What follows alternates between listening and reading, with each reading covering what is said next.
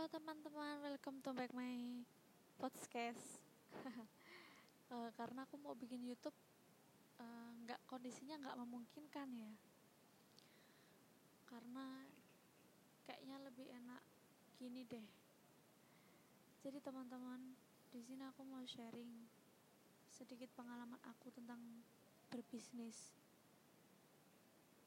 Ada banyak rintangan waktu kita mulai bisnis kadang juga pengen mundur tapi kadang juga pengen ngelanjutin karena uang modalnya uangnya udah kepake tenaganya terforsir semua untuk mikirin gimana sih cara bisnis kita biar bisa jalan gimana sih pelanggan tetap balik lagi gimana sih uh, bisnis bisnis kita ini tuh bisa tetap stabil karena nggak semua bisnis itu bisa berjalan mulus sesuai dengan ekspektasi saya.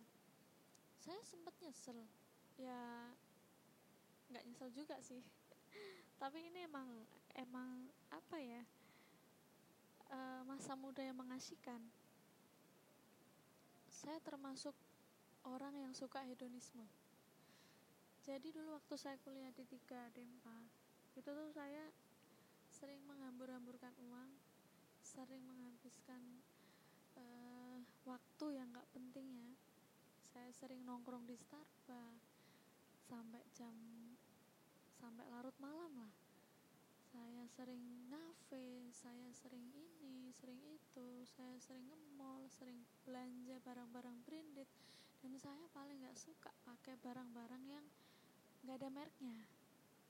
Iya ada merek cuman ya merek yang lumayan lah tapi dari situ sekarang di usia yang 23 tahun ini memulai karir yang begitu amat pelik ya itu saya benar-benar sadar bahwa kegiatan-kegiatan yang tidak produktif seperti itu tuh benar-benar harus dihindari teman-teman.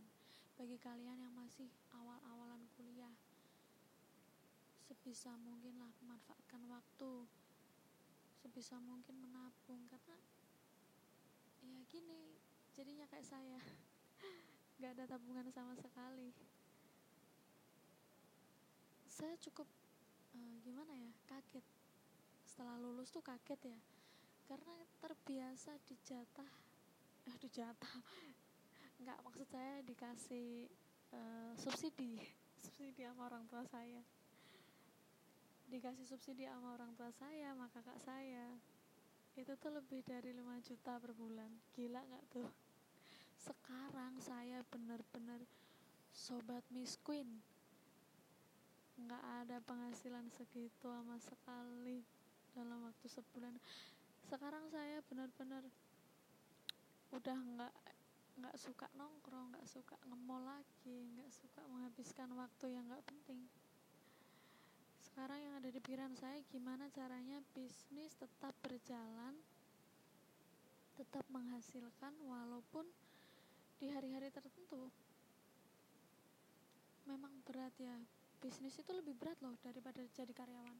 Saya di sini juga nggak cuma bisnis aja saya juga uh, sambil bekerja menjadi karyawan juga di salah satu institusi swasta yang ada di Semarang. Nggak bisa saya sebutin ya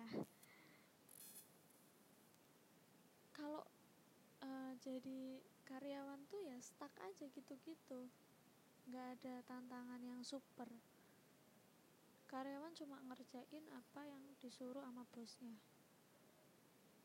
Terus sama gajian udah libur Sabtu Minggu. Kalau pembisnis woman entrepreneur wah benar-benar peliknya luar biasa.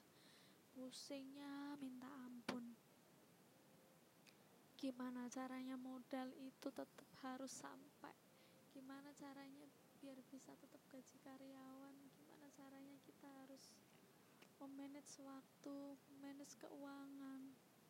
Gimana caranya kita harus benar-benar ngerti pemasarannya harus gimana? Itu saya semua nggak ada yang ngajarin. Semua learning by doing. Dari 16 juta modal awal saya 16 juta yang di franchise di episode kemarin modal awal saya itu uh, sekitar 16 juta lah. Itu udah sama sewa tempat udah sama lain-lain. Udah dua bulan saya jalan nih. Saya pengen nyoba bisnis franchise karena saya pengen tahu sistemnya franchise itu seperti apa. Sistem manajemennya franchise itu kayak gimana. Saya udah dua bulan tapi pemasukan masih zong tapi saya harus tetap bisa gaji karyawan. Saya harus bisa memenuhi uh, kebutuhan-kebutuhan uh, yang ada di hidup saya. Wah ini benar-benar sangat pelik sekali. Kadang saya juga iri dengan mereka yang punya pekerjaan tetap tapi saya juga bersyukur. Karena Allah ngasih begitu banyak kesibukan untuk saya. Sampai-sampai kadang hal-hal yang dulu nggak pengen aku lakuin terus sekarang jadi aku lakuin. Seperti ini sepele sih tapi aku nggak pernah melakukan dari dulu ya. Nggak pernah ngelakuin gitu loh dari dulu. Jadi sepele banget ya. Mencuci baju. Saya termasuk orang yang laundry setiap hari setiap saat bergantung pada laundryan. Sekarang saya mulai meminimalisir.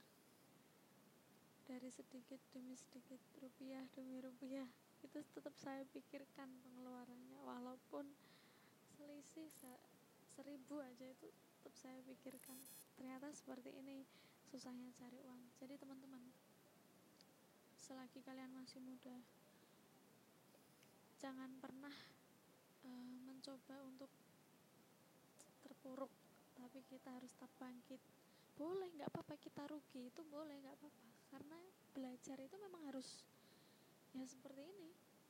Usaha pengusaha itu emang harus gagal. Karena dari gagal itu kita bisa tahu step-step apa untuk langkah selanjutnya